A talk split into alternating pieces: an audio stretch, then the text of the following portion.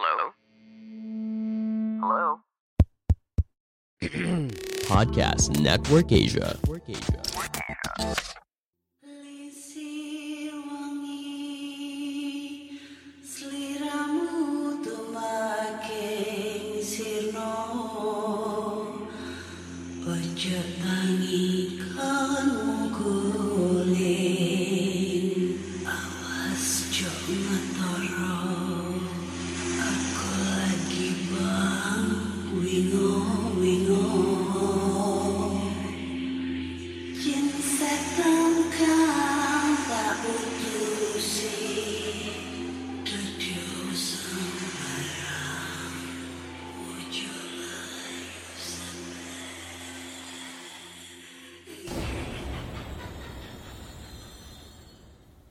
Hai Rek, ya apa kabar Ketemu lagi dengan aku si Ana di podcast kisah horor.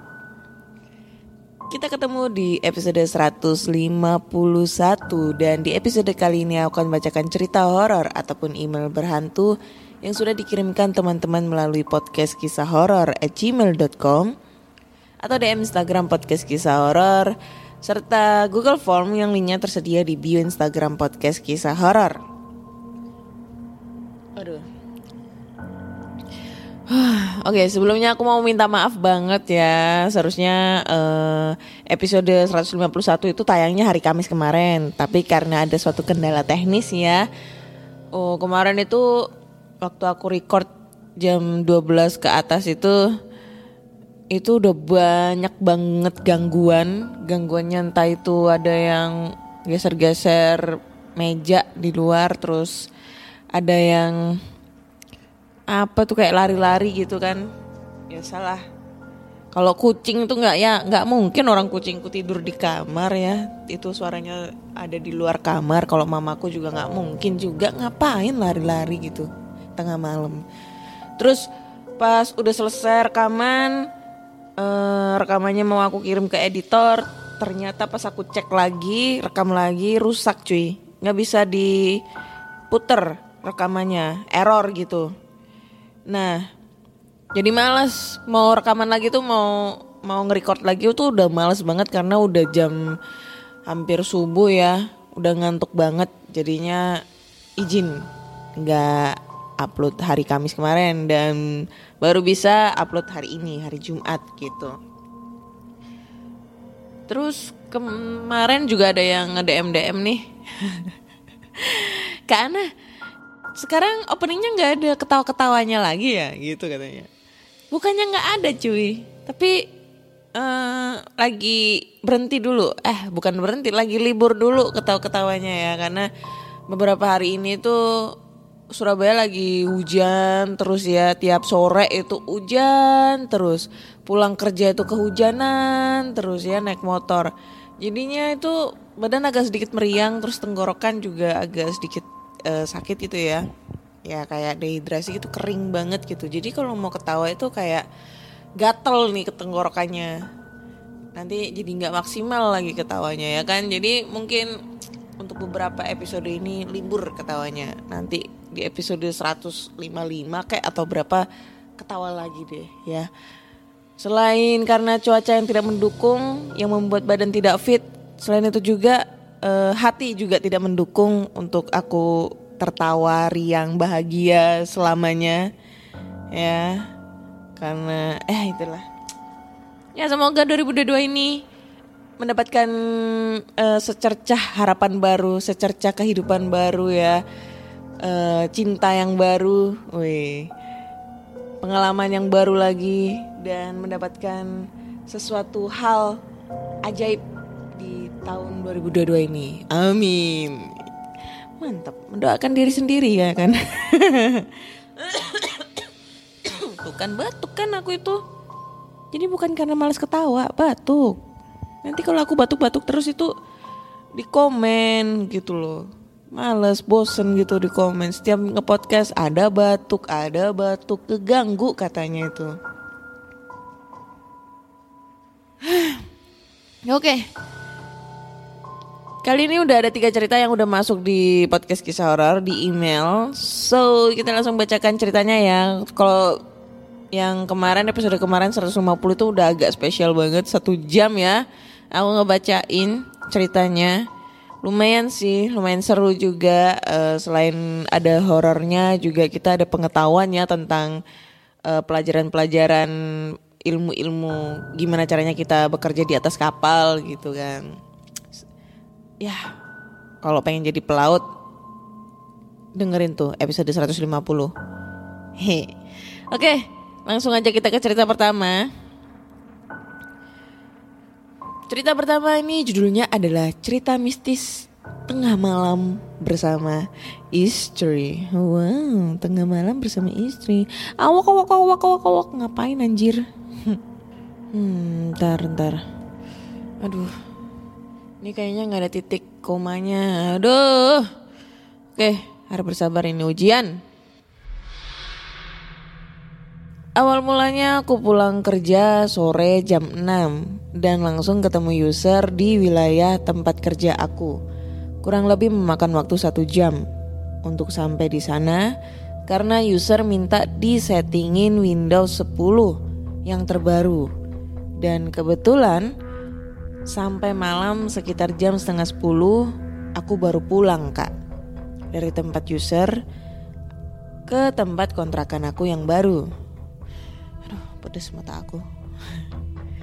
Sewaktu aku pulang dari tempat user yang aku sudah selesaikan instalasi Windows 10, nah aku jalan arah pulang ke kontrakan itu agak gelap. Dan tempat kontrakan aku itu emang masuk gang lewatin kuburan dan banyak pohon-pohon gede. Dan untuk cahaya penerangan lampu jalanan itu agak kurang menurutku. Karena di atas jam abis isya aja udah benar-benar gelap. Dan menuju pulang ke rumah untuk ketemu istri dan anak aku kebetulan Kebetulan aku teringat beli cemilan kecil untuk nonton bareng di kontrakan aku bareng istri pas malamnya. Setibanya aku sampai rumah atau kontrakan, aku langsung dah prepare bersihin badan dan makan malam bareng istri yang setia menunggu aku pulang. Dan untuk makan malam bersama ya kak. Oke. Okay. Setelah selesai semuanya, aku mengajak istri aku nonton film The Witch, The Witch. Penyihir, sang penyihir, bareng tuh. Selang beberapa menit berlalu nampak terdengar suara langkah kaki yang agak berisik di samping kontrakanku. Dan aku sama istri mencoba mengabaikannya. Karena aku pikir itu tetangga lagi masak. Entah lagi ngobrol dengan suaminya. Atau lagi bebenah. Cuma makin lama kok makin kenceng. Dan seperti lari-lari kecil. Dan kadang lari-lari kenceng kayak mendengar ke depan, ke belakang gitu. Nah, di situ aku coba pause film yang aku tonton dan coba diskusi kecil sama istri aku kak. Mau cek gak di samping suara apa? Nah di situ aku coba diemin dulu dan berpikir positive thinking dan menjauhkan dari rasa-rasa horor gitu kak. Serasa kurang nyaman karena nonton movie The Witch Udah genrenya ini yang ditonton horor Eh berasa malah kejadian di realnya begini juga. Jadi kayak berasa di uber-uber dan ditambah istri juga malah jadi takut setelah dengar suara itu. Nah, di situ aku ngomong untuk cek berdua dengan istri ke samping. Dan kebetulan kontrakan aku ini kontrakan aku itu di Hok. Samping kontrakan aku itu gang kecil, gelap gitu buat pejalan kaki dan hanya buat motor kak pas aku pastiin aku anak aku tidur pules aku sama istri langsung keluar tuh kak untuk cek suara itu karena berasa sampai samping kontrakan juga dan kuping kiri aku jadi dengung kenceng gitu berasa kayak begini kak suaranya jadinya mencekam Pas keluar di situ aku sama istri nyari suara tiba-tiba hilang seketika. Dan pas dicek ternyata samping kontrakan aku itu kosong. Pas cek sama istri karena penghuninya sekitar beberapa menit atau jam yang lalu keluar untuk cari makanan sama suaminya. Kata tetangga yang seberang ujung aku. Di situ perasaan berdua jadi lemas dan otak langsung ke doktrin sana sini. Karena dengar dari cerita tetangga seberang ujung bilang tetangga samping aku sedang cari makan keluar Aku dan istri langsung bergegas pulang dan masuk kembali ke kontrakan kak. Pada saat masuk itu rasanya anyep, dingin, kayak dingin angin sepoi-sepoi gitu deh. Di samping kiri kontrakan seberang selain gang kecil buat jalan dan buat motor itu seberangnya pohon gede dan atau pohon jengkol yang sering diceritain sama sesepuh di wilayah situ. Nah, di situ aku sama istri noleh bareng dan ternyata sekelebat kayak ada sosok di ujung bawah pohon itu yang sedang natap kita berdua dengan pandangan yang menurut aku susah buat diungkapin. Entah itu orang apa gimana, aku tetap prinsip mau positif thinking aja dah. Pas masuk ke dalam ternyata itu film yang aku tonton itu seketika mati alias gak nyala.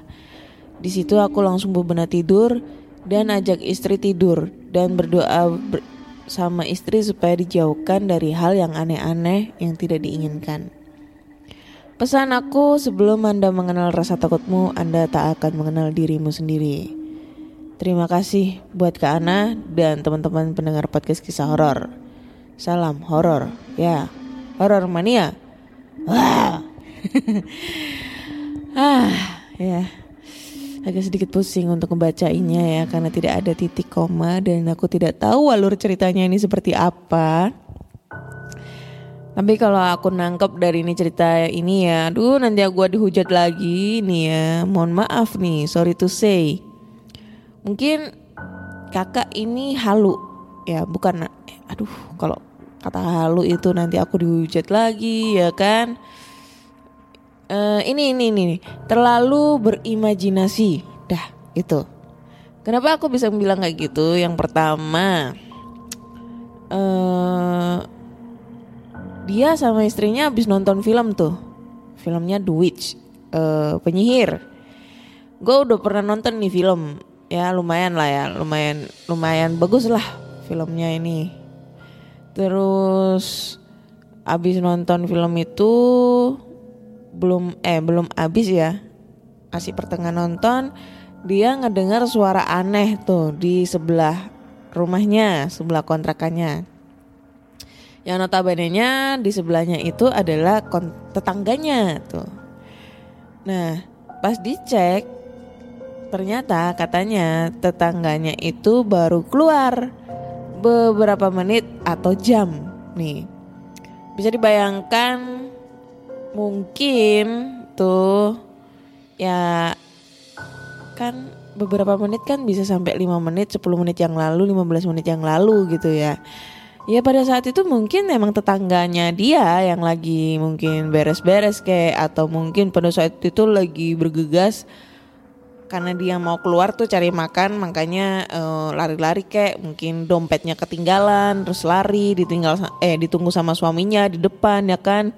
Cepetan gitu. Atau mungkin anaknya yang lari-lari karena takut ditinggal sama bapaknya sama mamahnya ya kan? Atau mungkin anaknya ditinggal terus anaknya lari-lari sana sini gitu nyariin bapaknya nyariin mamanya Bapak, kok aku ditinggal? Kan gitu bisa jadi itu ya. Gitu. Jadi ya menurutku itu ceritanya terlalu berhalusinasi. Ya mungkin karena efek nonton film horor kali ya. Terus dia masuk ternyata filmnya mati. Ya bisa jadi karena pasti nontonnya di laptop atau di mana kek ya kalau di laptop pasti mungkin baterainya habis nggak di charger gitu bisa jadi kayak gitu oke okay. thank you banget tapi sebelumnya buat ceritanya Gue apresiasi apresiasi banget ya. Next, lanjut ke cerita berikutnya nih, cerita kedua. Cerita berdua, eh berdua. Cerita kedua ini ya. Datang dari Corot, Corot, Corot. Oke. Kamu lagi mau mengembangkan podcast kamu, tapi bingung caranya bagaimana? Mulai dari sisi performance-nya, menentukan rate konten kamu, sampai bagaimana cara memonetisasinya. Nah, coba deh cek Podmetrics. Podmetrics adalah platform yang bisa membantu kamu untuk lebih mudah melihat performa konten podcastmu. Lalu melalui Podmetrics, kamu juga bisa menentukan rate podcastmu melalui data yang tersedia. Serta bisa juga memonetisasi kontenmu dengan champion-champion dari brand yang cocok dengan podcastmu. Bahkan, Podmetrics juga bisa membantumu untuk mendapatkan inspirasi dalam membuat iklan pada podcastmu dengan contoh iklan yang sudah tersedia. Nggak ketinggalan juga, sekarang Podmetrics juga ada fitur Pod Earnings dengan berbagai metode pembayaran. Sehingga memudahkan kamu untuk mendapatkan penghasilan dari Podmetrics. Jadi, kalau kamu seorang podcaster, Pastikan kamu mendaftar Podmetrics dengan memakai Podmetrics referralku. Klik langsung aja pod link yang ada di deskripsi box dalam episode ini. Kejadian ini terjadi waktu aku masih SMA dulu, sekitar tahun 2007-an. Waktu itu aku pulang dari rumah temen aku di Pamulang. Aku pulang antara jam 12 sampai jam 1 dini hari. Aku lupa tepatnya. Berhubung rumah aku di Pondok Labu, aku males lewat pasar Jumat. Jadi aku motong jalan lewat jalan Bandung. Tempat itu emang terkenal angker gak? Aku naik motor sendirian tuh. Pas aku udah masuk kawasan jalan Bandung, aroma-aroma horor udah mulai kecium. Jalan Bandung itu ada kebon Luas banget kak Terus aku denger-dengar dari orang Tempat itu biasanya dipakai buat buang mayat Pas aku di jalan Bandung itu Aku iseng-iseng mainin lampu motor aku Lampu dim. Pas aku masang lampu jauh Ada cewek Duduk di jembatan. Kalau teman-teman tahu sekarang jadi kandang jurang doang. Nah, aku nyadar gak mungkin ada cewek duduk di situ tengah malam. Terus pakai baju putih selain kuntilanak. Emang dasarnya aku gak penakut, aku lewatin aja. Nah, setelah jembatan itu ada tanjakan. Pas di tanjakan itu, motor aku kok berat banget, kayak ngebonceng dua orang. Secara otomatis aku lihat sisi motor aku untuk ngecek ban aku, kempes atau enggak. Pas lihat ke kiri, oke, okay, nggak ada masalah. Pas mau noleh ke kanan, wah, kaget banget aku kak. Kok ada rambut panjang yang terurai dari bau sampai perutku. Waktu itu rambut aku lagi pendek.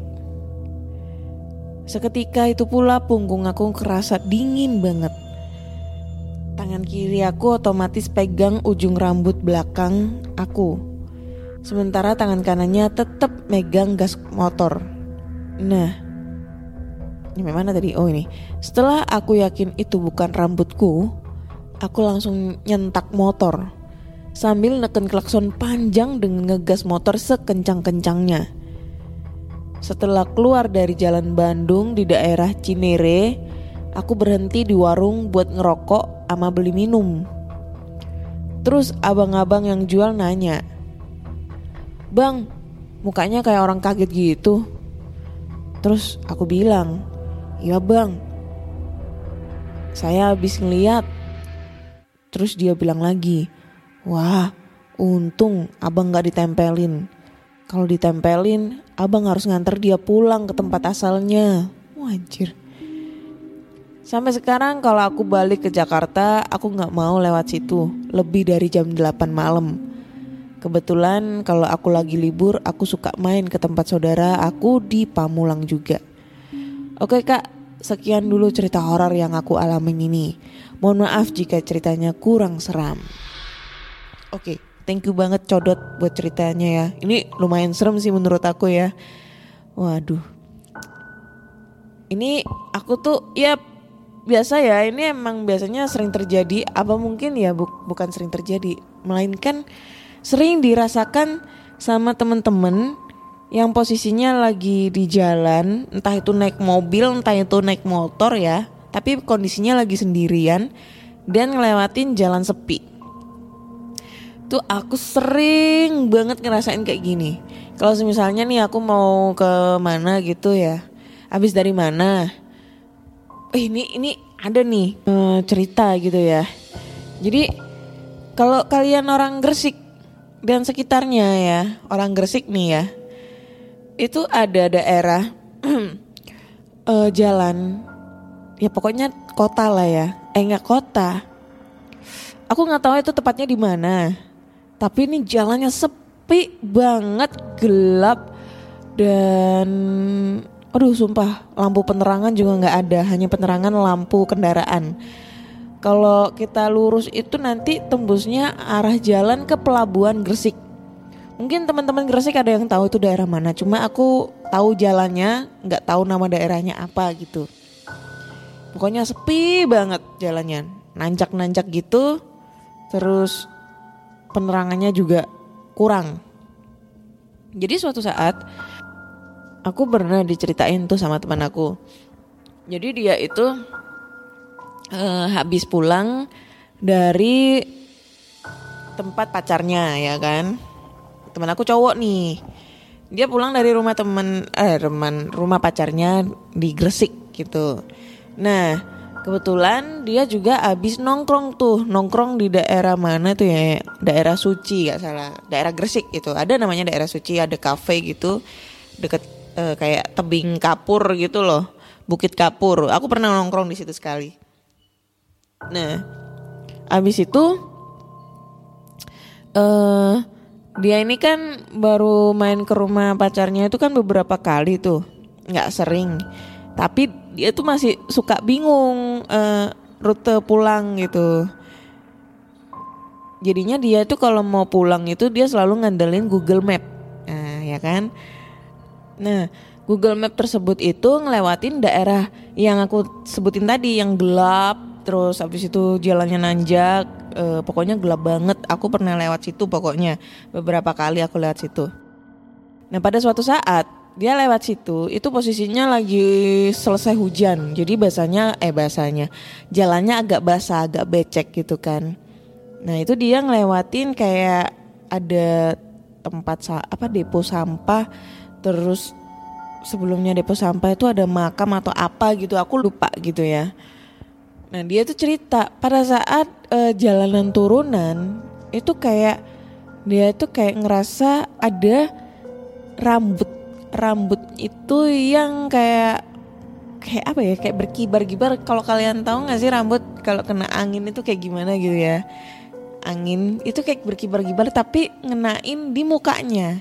Kebetulan helmnya itu dibuka karena dia nggak kelihatan jalan jadi helmnya dibuka gitu. Jadi kayak ngerasa gitu mukanya kayak aduh kayak ada rambut. Tapi pas di diusap-usap gitu uh, mukanya dia tuh nggak ngerasa ada rambut. Udah tuh ya dia jalan lagi ngeng. Sepi cuma ada beberapa kendaraan yang lewat. Nah pas waktu itu dia ngerasa lagi kayak belakang motornya itu kayak berat kayak ceritanya si codot tadi tuh berat banget. Kayak ngerasa ngebonceng orang. Padahal dia tuh lagi pulang sendirian pulang ke rumah. Itu sekitar jam sembilan setengah sepuluh malam lah. Dia tuh kayak ngerasa ada yang ngebonceng. Dicek di spion kanan kiri itu nggak ada apa-apa. Terus dia berpikir oh mungkin banyak kempes. Akhirnya dia berhenti sejenak ngecek bannya tuh.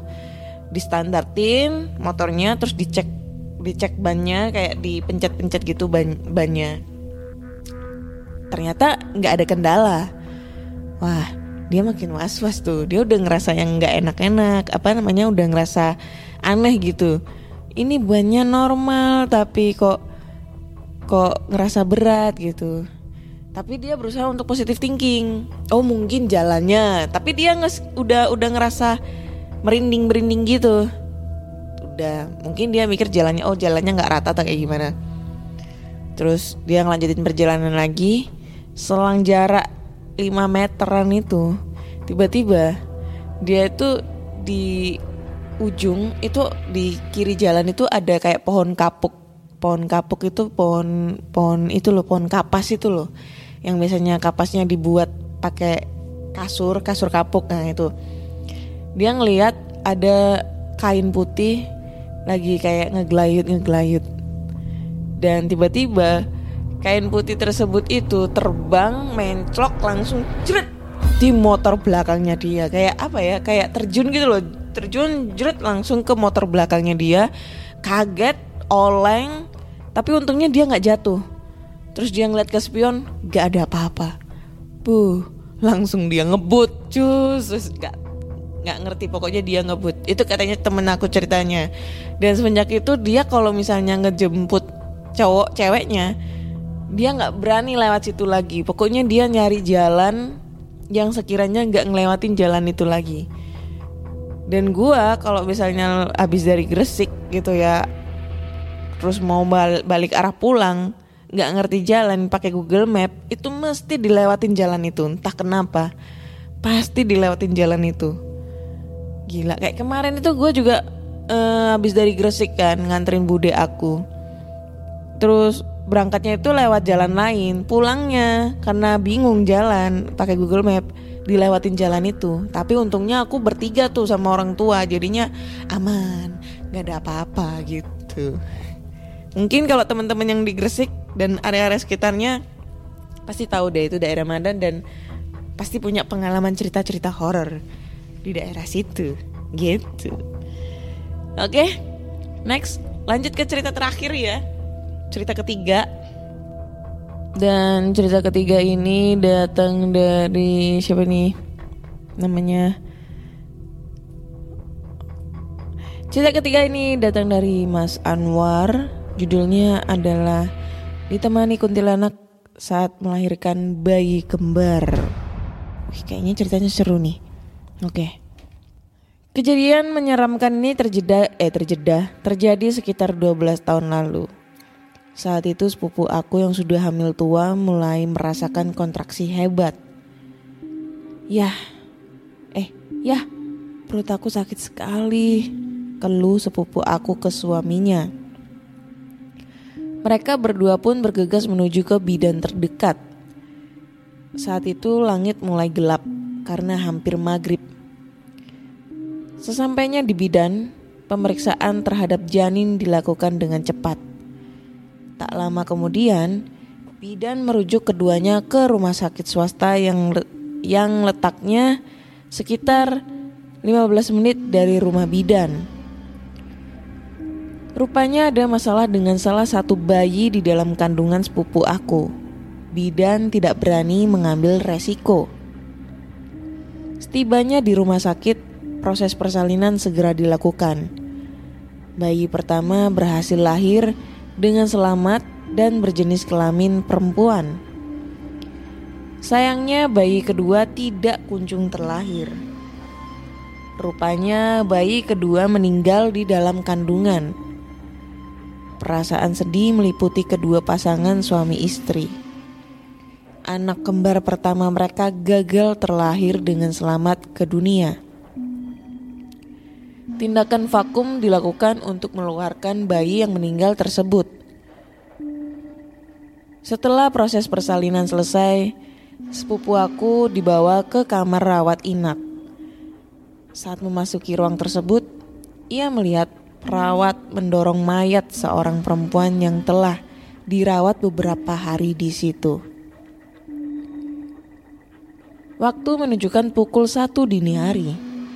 Sepupu aku terbaring di kamar rawat inap sendirian. Anggota keluarga yang lain belum dikabari. sang suami harus pulang ke rumah bapak mertuanya untuk menitipkan jenazah bayi kembaran yang meninggal tersebut. Ruangan bekas orang meninggal itu begitu sunyi. Gorden putih sesekali bergerak tertiup angin. Sepupu aku mencoba memejamkan matanya untuk menghilangkan pikiran aneh yang terus terlintas di benaknya. Beberapa kali ia menolak balikan badannya mencari posisi yang nyaman untuk tidur. Saat itu firasatnya makin tidak enak. Dia merasa ada seseorang yang sedang memperhatikannya di ruangan tersebut. Perasaan itu terus mengganggu pikirannya, membuat matanya menatap ke jendela. Astagfirullah, gumamnya sambil menahan jeritan. Sesosok wanita berambut panjang dengan pakaian serba putih sedang menatapnya di dekat jendela. Sepupuku pasrah. Sosok itu juga tak pergi dari pandangannya. Kemudian sang suami tiba di rumah bapak mertuanya yang tinggal seorang diri. Si bapak tampak terkejut saat menantunya menyerahkan bayi yang tidak bernyawa. Jenazah bayi tersebut hanya dibungkus selembar kain coklat. Pak, tolong titip jenazah anak saya. Besok pagi akan saya urus proses pemakamannya.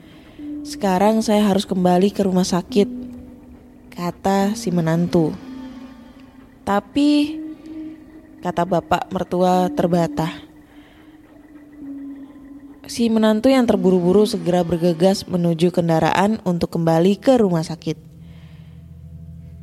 Bapak mertua bingung. Dia pun meletakkan mayat bayi perempuan di kamarnya. Dia tidak bisa meminta seseorang untuk menemaninya karena saat itu sudah pukul 1 lewat 1.30 dini hari. Itu adalah pengalaman yang sangat menyeramkan. Dia bertutur bahwa sepanjang malam bulu kuduknya merinding menemani jenazah bayi perempuan tersebut. Beberapa tahun berlalu, kini giliran aku yang mendengarkan kesaksian kisah horor dari seorang security rumah sakit yang sama. Beberapa bulan yang lalu, bapak aku melakukan operasi katarak di rumah sakit tersebut. Ruang operasinya berdekatan dengan kamar mayat rumah sakit. Pintu keluar ruang operasi bersebelahan dengan ruang rawat inap yang bersebelahan dengan kamar mayat. Saat menunggu bapak keluar, aku berbincang dengan security. Sudah lama kerja di sini, Pak. Tanya saya untuk membuka obrolan dengan security. Ya, belum lama banget sih. Aku pun mulai bertanya seputar suasana rumah sakit yang terkesan angker. Oh iya pak, kalau malam di sini gimana suasananya pak?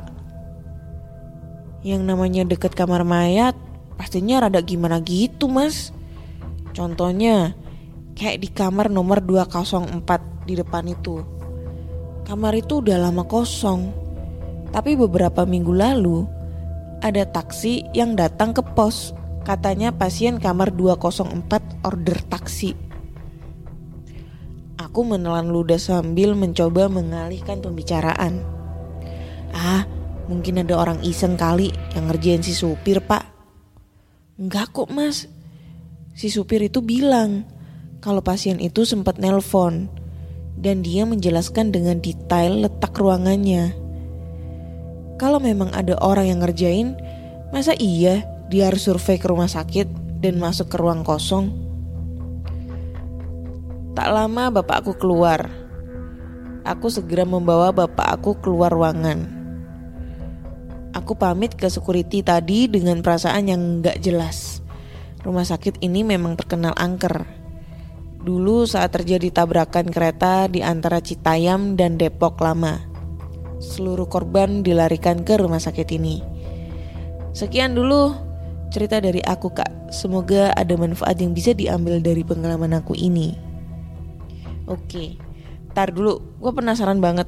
Itu di mana ya? Daerah mana ya? Katanya rumah sakitnya itu pernah menjadi eh ini. Korban Citayam korban tabrakan. Anjir. Tabrakan kereta antara Citayam dan Depok Lama. Aduh, bentar bentar.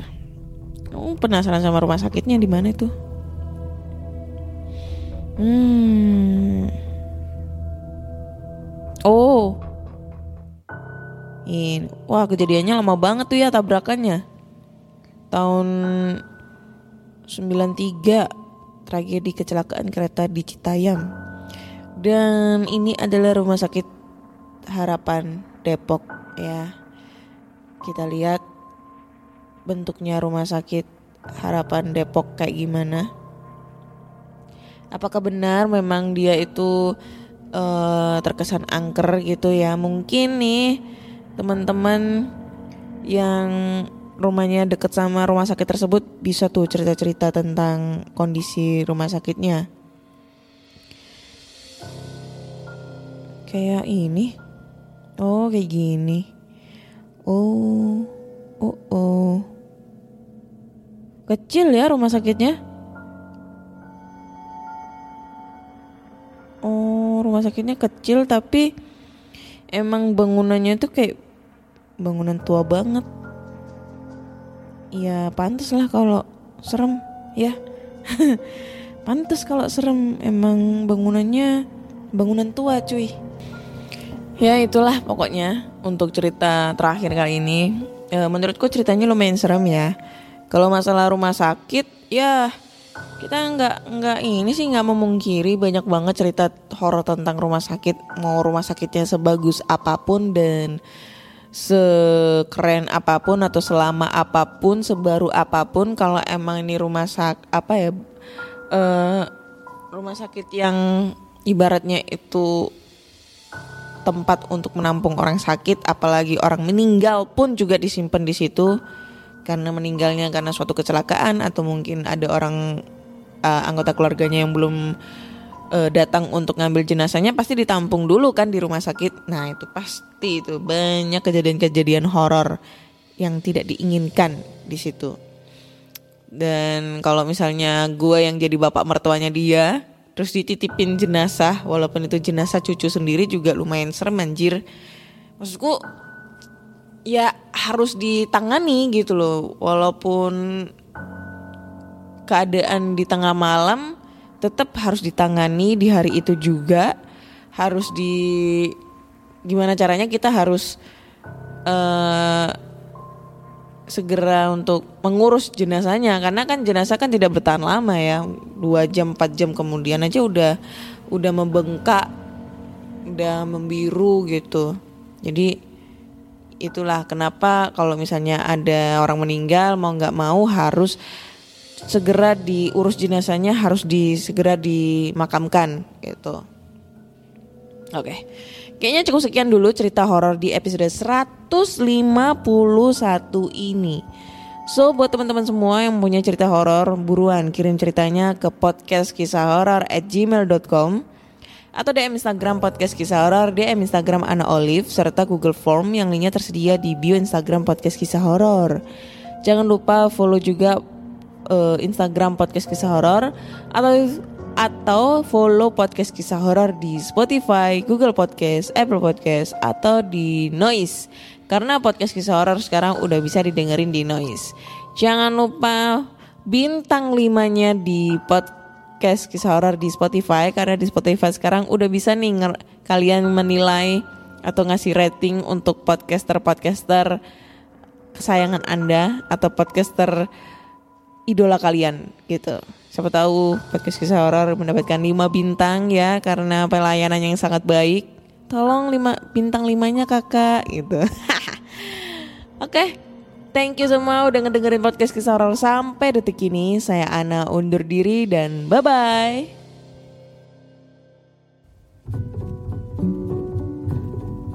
Pandangan dan opini yang disampaikan oleh kreator podcast, host, dan tamu tidak mencerminkan kebijakan resmi dan bagian dari podcast Network Asia.